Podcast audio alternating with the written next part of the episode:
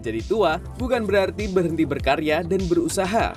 Memanfaatkan lahan di samping rumah, pasangan suami istri Umar Sanusi dan Siti Aminah, warga desa Genuk Watu, Kecamatan Ngoro, Jombang, Jawa Timur, mengisi masa tua dengan membudidayakan jamur tiram.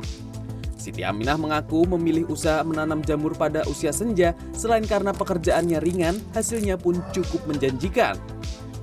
Untuk perawatan sehari-hari, dirinya tinggal menyiram air ke backlog. Dan dari 100 backlog, Pasutri ini bisa memanen 10 kg jamur di samping perawatannya mudah terus nggak butuh tempat luas di samping itu buat usaha orang-orang tua gitu Kini, Pasutri ini sudah menghasilkan ribuan backlog jamur.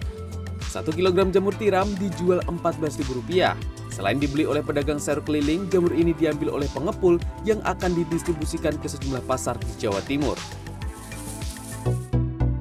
Sementara itu di Tuban, Jawa Timur, seorang ibu rumah tangga mampu meraup penghasilan dari pembuatan sabun organik. Dialah Retno Wulan Noviana, warga desa Demit, Kecamatan Jatirogo, Kabupaten Tuban.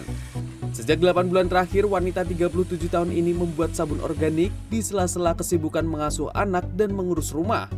Produk perawatan kulit ini dibuat secara manual dengan menggunakan peralatan rumah tangga. Berawal memiliki masalah kulit yang sensitif, dia mencoba membuat sabun organik yang ia butuhkan. Namun tak disangka, teman-temannya berminat hingga akhirnya ibu dua anak ini menjadikan sebagai ladang bisnis. Belajarnya saya online dengan mentor di luar negeri maupun lokal. Nah, ini kalau untuk saat ini eh, dalam satu hari mampu memproduksi berapa? Satu hari 43 pieces, bahkan bisa lebih sesuai permintaan. Terdapat tiga varian sabun organik buatan Retno, antara lain madu, kopi, dan susu.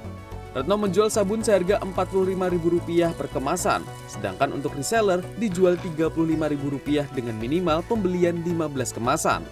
Pesanan pun juga datang dari berbagai kota seperti Batam, Jakarta, Semarang, dan Malang.